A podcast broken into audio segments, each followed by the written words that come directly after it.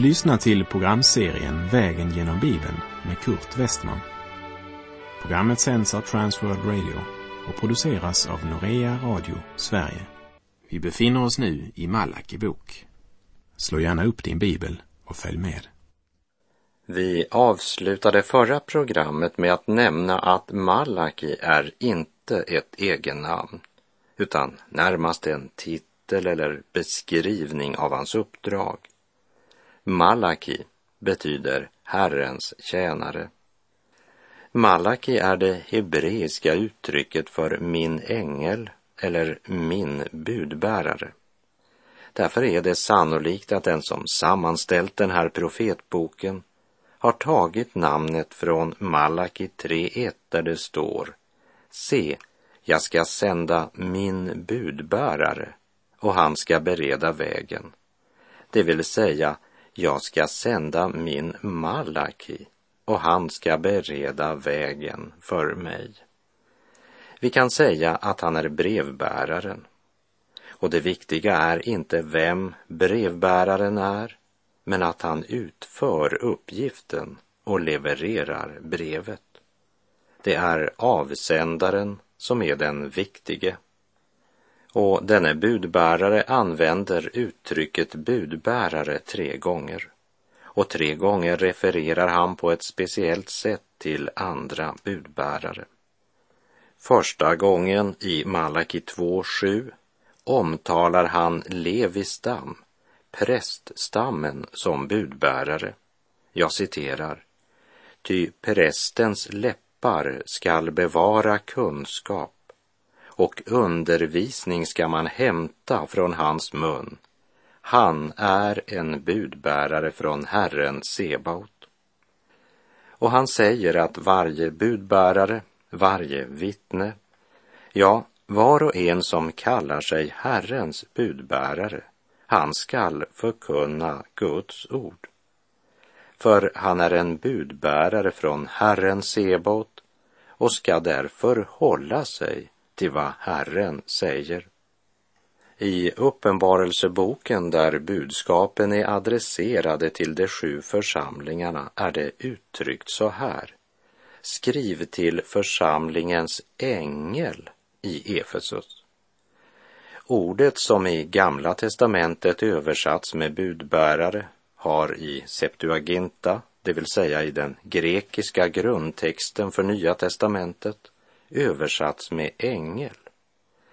Så jag tror att orden i Uppenbarelseboken talar om Guds budbärare till församlingen och inte om ett andligt, övernaturligt väsen utan det talar om församlingsföreståndare eller pastor, den som förkunnar Guds ord.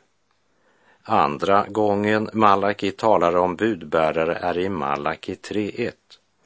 Malaki proklamerade också Johannes döparens ankomst och han omtalar honom som min budbärare.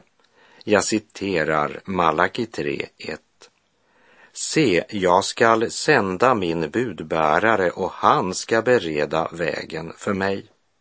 Vi kan säga att Johannes döparen var Nya testamentets Malaki och han tar vid där Gamla testamentets Malaki slutar.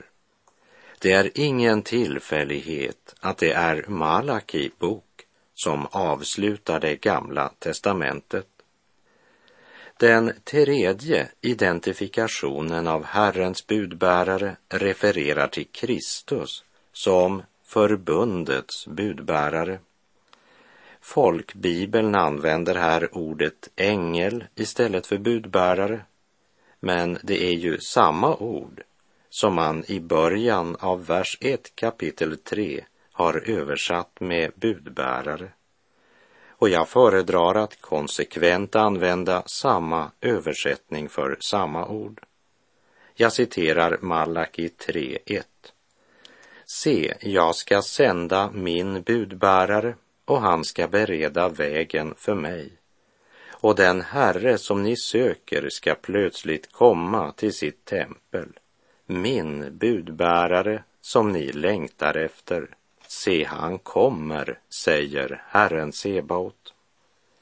Så en budbärares uppgift är att peka på den verklige budbäraren, den utlovade Messias, Herren Jesus Kristus. Men jag vill nämna något av det som gör Malaki till en av mina favoritböcker.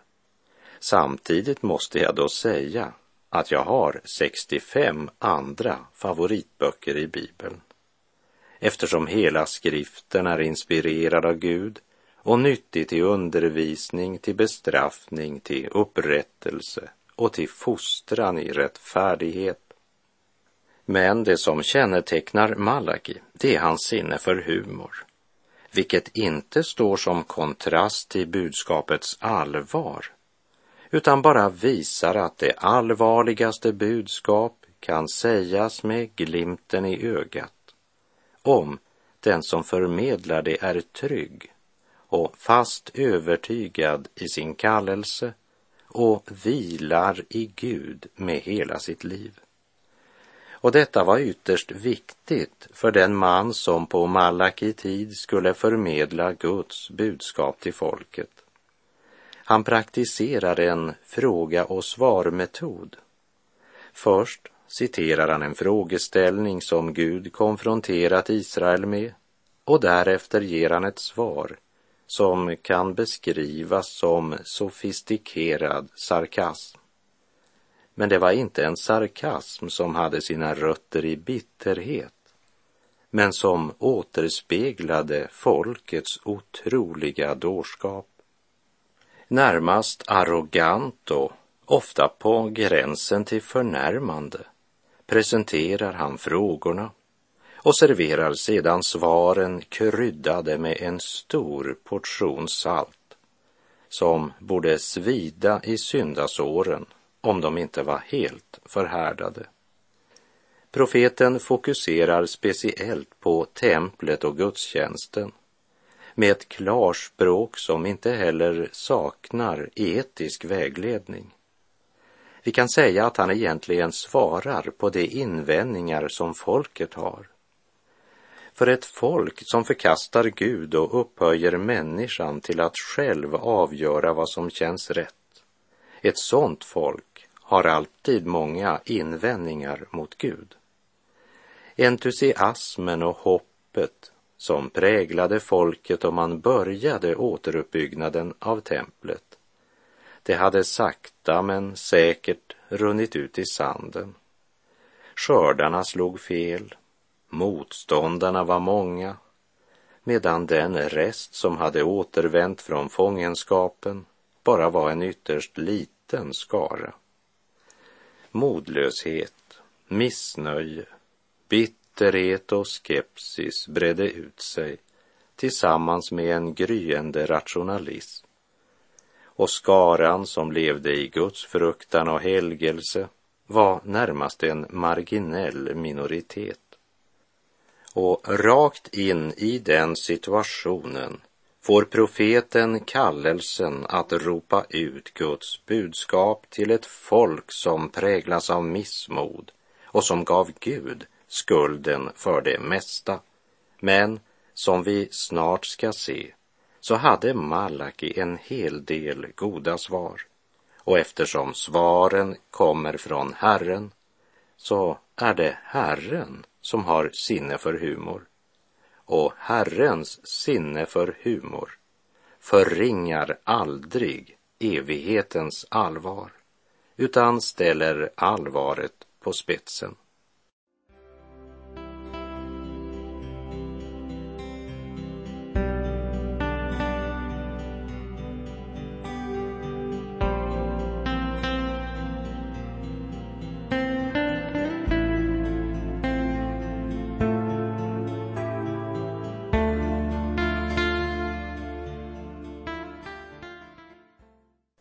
Malaki kapitel 1, vers 1 till och med 5 talar om Guds kärlek till Israel. Ett gudomligt budskap till ett modlöst folk och innan vi börjar vandringen genom profeten Malaki bok vill jag citera följande ord från Nya testamentet. Andra Timoteusbrevet 1, vers 7. Ty den ande som Gud har gett oss gör oss inte modlösa, utan är kraftens, kärlekens och självbehärskningens ande. Och i Ordspråksboken 24.10 står det Låter du modet falla när nöd kommer på, så saknar du nödig kraft. Den tro som är en frukt av Andens verk i våra liv, det är den tro som överlever felslagna förhoppningar, överlever makens eller makans svek, barnens pliktförgätenhet, vänners otacksamhet, falska beskyllningar, lidandets isolering. Ja, den överlever till och med besvikelse på Gud. Och den tron, den kan man inte påstå sig äga förrän man haft tillfälle till otro. Den är så att säga inte prövad förrän man har haft legitimt skäl att anklaga Gud. Till de troende i Rom skrev Paulus bland annat, vi vet att för dem som älskar Gud samverkar allt till det bästa. Vi vet, säger Paulus, en kristallklar bekännelse av att Gud är god, även när de yttre omständigheter verkar alldeles hopplösa. När det går upp för oss att Gud har en mening och att Guds mening alltid är god, så är det en underbar hjälp i nödens tid. Och profeten Malaki börjar med att proklamera Guds kärlek till Israel. I en tid då fienderna var många, motståndet stort och det var många mörka moln som skymde solen. Och Malaki kommer att ta upp samma problem som Nehemja var tvungen att peka på. Och det var sannolikt i ungefär samma tidsperiod. Och det första problemet gällde präster som föraktade Herrens namn och som därmed skapade förakt för gudstjänsten. Men vi lägger märke till att Herren först av allt påminner om all den kärlek han genom åren visat Israel, men som de var så blinda för, därför att de inte fruktade och ärade Herren. Gud kommer också att tala om skilsmässa och om att Israels folk struntade i att ge Herren tionde, vilket är detsamma som att stjäla från Gud. Och du kommer säkert inte att gilla vad Herren har att säga om de som försöker ge andra intryck av att de ger mycket till Herren. Låt oss först se på budskapets avsändare och mottagare. Malaki kapitel 1, vers 1. Denna profetia innehåller Herrens ord till Israel genom Malaki. Fokus ligger inte på brevbäraren men på brevets avsändare. Och avsändaren preciserar att det är till sitt utvalda folk han talar. Ibland har Guds folk en otrolig förmåga att rikta domsbudskapet mot dem som står utanför Guds rike. Så att man istället för att leva i nådens ljus syndar på nåden, ursäktar sin egen synd och inbillar sig att allt står väl till. Som vi minns från Jeremia 6, vers 13 och 14, där det står Ty hög som låg, alla söker orätt vinning, både profet och präst. Alla handlar lögnaktigt. Det tar det lätt med att hela mitt folk skada och säger allt står väl till, allt står väl till, men allt står inte väl till. Synden tog man inte så allvarligt och Gud uttrycker det så här. Det tar det lätt med att hela mitt folks skada. Men genom profeten Malaki ska Guds folk nu presenteras för hur Gud ser på saken. Vad Gud menar om det som kallas för Guds folk. Och Gud talar i sådan klartext att det skulle stå klart för folket både vem som talar och till vem han talar. Denna profetia innehåller Herrens ord till Israel genom Malaki. Han säger inte Jerusalem eller Sydriket eller Nordriket. Budskapet gäller Israel, det vill säga Israels alla tolv stammar. Idag skulle vi säga budskapet gäller allt Guds folk utan undantag. Så Malaki budskap gällde inte bara den lilla rest av varje stam som återvänt från fångenskapen i Babylon, utan det här budskapet nådde även till Babel, till alla dem som valt att inte återvända till löfteslandet för att där delta i det stora och krävande återuppbyggnadsarbetet. Vi läser Malaki 1, vers 2 och 3. Jag har visat er kärlek, säger Herren. Då frågar ni, hur har du visat oss kärlek? Var inte Esau Jakobs broder, säger Herren. Jag älskade Jakob, men Esau hatade jag. Och jag har gjort hans berg till ödemark, hans område till ökenland. I en tid där människan upphöjt sig själv och bara lyssnade till vad de själva tyckte passade talade Herren i dialogform. Han talar till ett folk som avfallit från Gud och förblindats av tidsandan och synden. De hade blivit blinda för den kärlek som Gud genom historien hade visat sitt folk. Gud hade visat dem kärlek. Och hur tror du att de besvarade denna kärlek och omsorg? De har befriats från fångenskapen, fått återvända till sitt land, templet är återuppbyggt, de ser Jerusalems murar återresa sig och de genomför sina religiösa ritual och på ytan så ser allt ut att vara bra. Men det är ett självcentrerat, sofistikerat och blaserat folk så fulla av bitterhet, missnöje och klagan och vars slogan var Allt går oss emot. Hur kan ni säga att Gud är god? Och när Gud i klartext påminner om att han visat dem kärlek, lyssna till vad de då svarar. Hur har du visat oss kärlek? Med andra ord, det har vi inte sett något av. Tänk när människan som skapats av stoft tilltalar skaparen på det sättet. De säger, hur har du visat oss kärlek? Jag undrar om det inte är många bekännare i våra församlingar idag som går omkring med ungefär samma hållningar och säger Se vad som sker oss nu för tiden. Hur kan du säga att Gud älskar oss?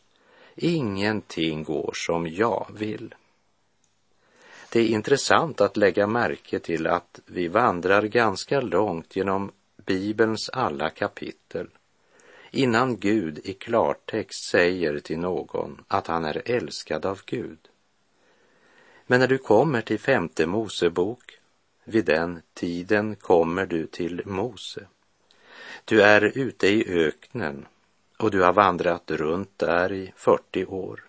Och det är ganska svårt att få någon att tro att Gud älskar honom. Men hör nu vad Moses säger i femte Mosebok 10, vers 14 och 15. Se himlarna och himlarnas himmel, jorden och allt som är på den tillhör Herren din Gud. Ändå var det just dina fäder som Herren fäste sig vid i kärlek. Han har gjort er, deras efterkommande, till sitt folk och det är ni än idag. Och det har Gud inte sagt till någon annan. Du kan läsa om tiden före syndafloden och efter syndafloden och aldrig har Gud sagt det till någon. Gud sa aldrig till Abraham i klara ord att han älskade honom. Han älskade Abraham, det gjorde han. Men poänget är att Gud hade aldrig bråttom att med ord låta mänskligheten veta att han älskade dem. Det hade de insett om de inte avfallit från Gud, om de inte vänt hans kärlek ryggen. Men i femte Mosebok 10 säger han, ändå var det just dina fäder som Herren fäste sig vid i kärlek. Han har gjort er, deras efterkommande, till sitt folk och det är ni än idag.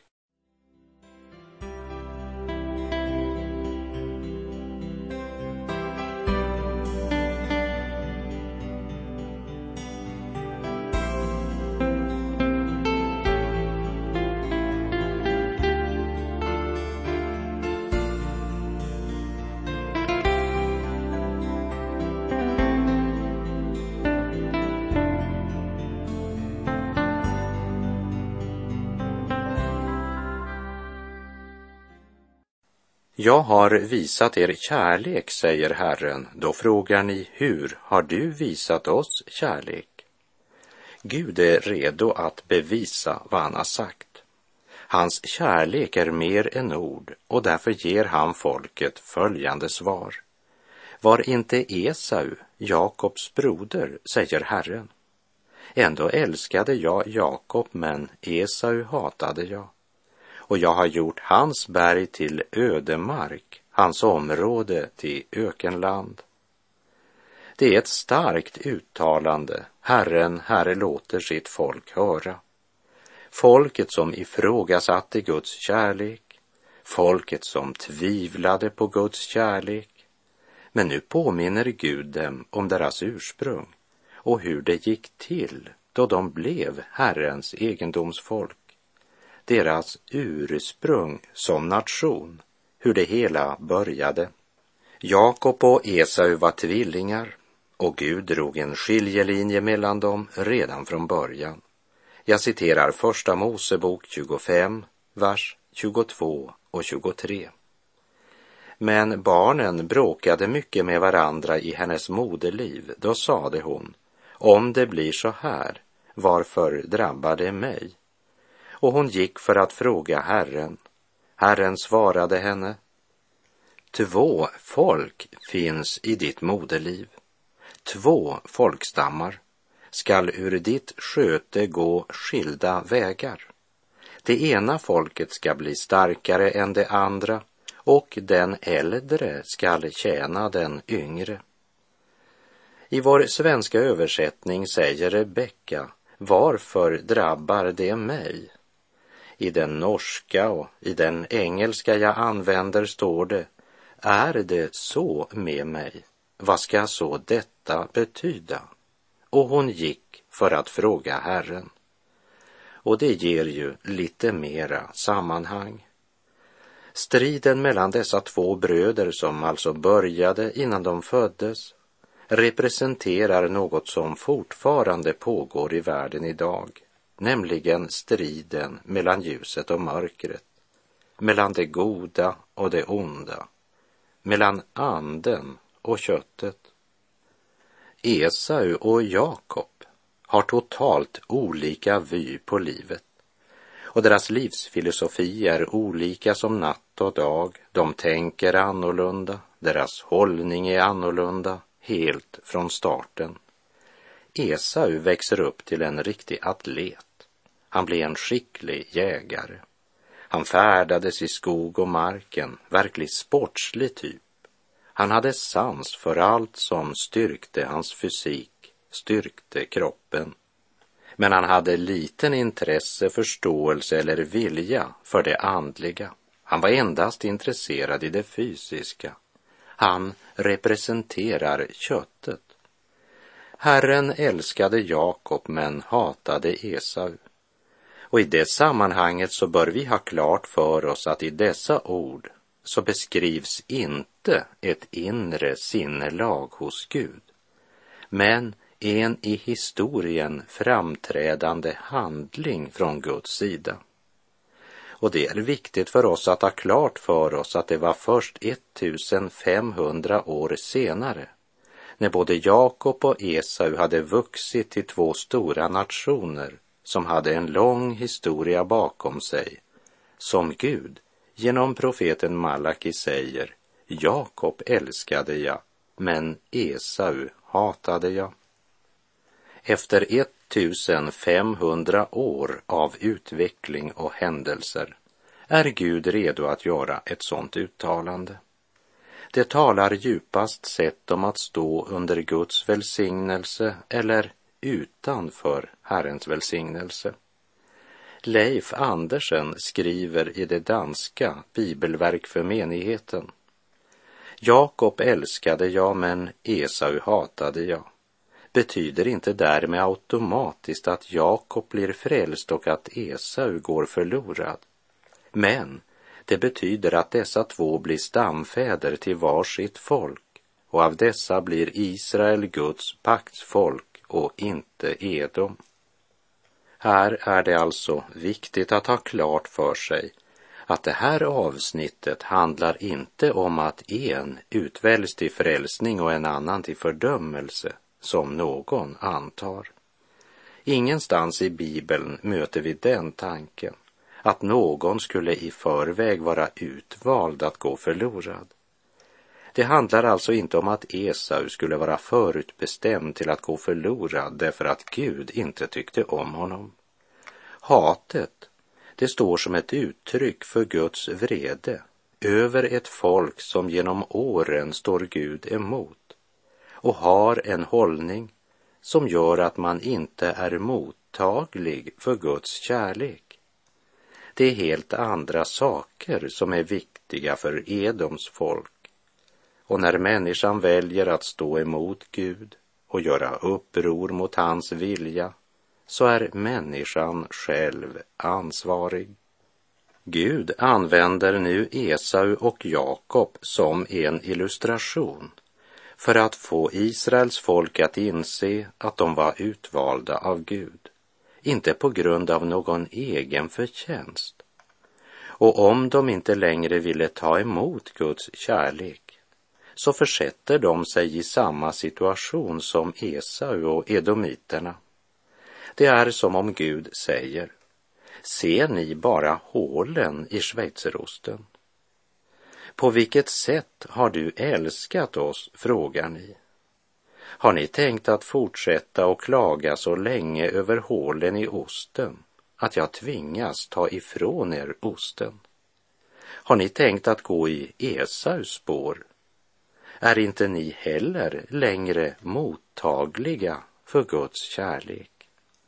Kära vän, ser du att Gud älskar dig? Eller ser du också bara hålen i schweizerosten? Meditera över det tills vi hörs igen. Herren vare med dig. Må hans välsignelse vila över dig. Gud är god. Du har lyssnat till programserien Vägen genom Bibeln med Kurt Westman som sänds av Transworld Radio. Programserien är producerad av Norea Radio Sverige. Om du önskar mer information om vårt radiomissionsarbete så skriv till Norea Radio Sverige, box 3419 103 68 Stockholm. Adressen är alltså Norea Radio Sverige, box 3419. Postnumret 10368 Stockholm.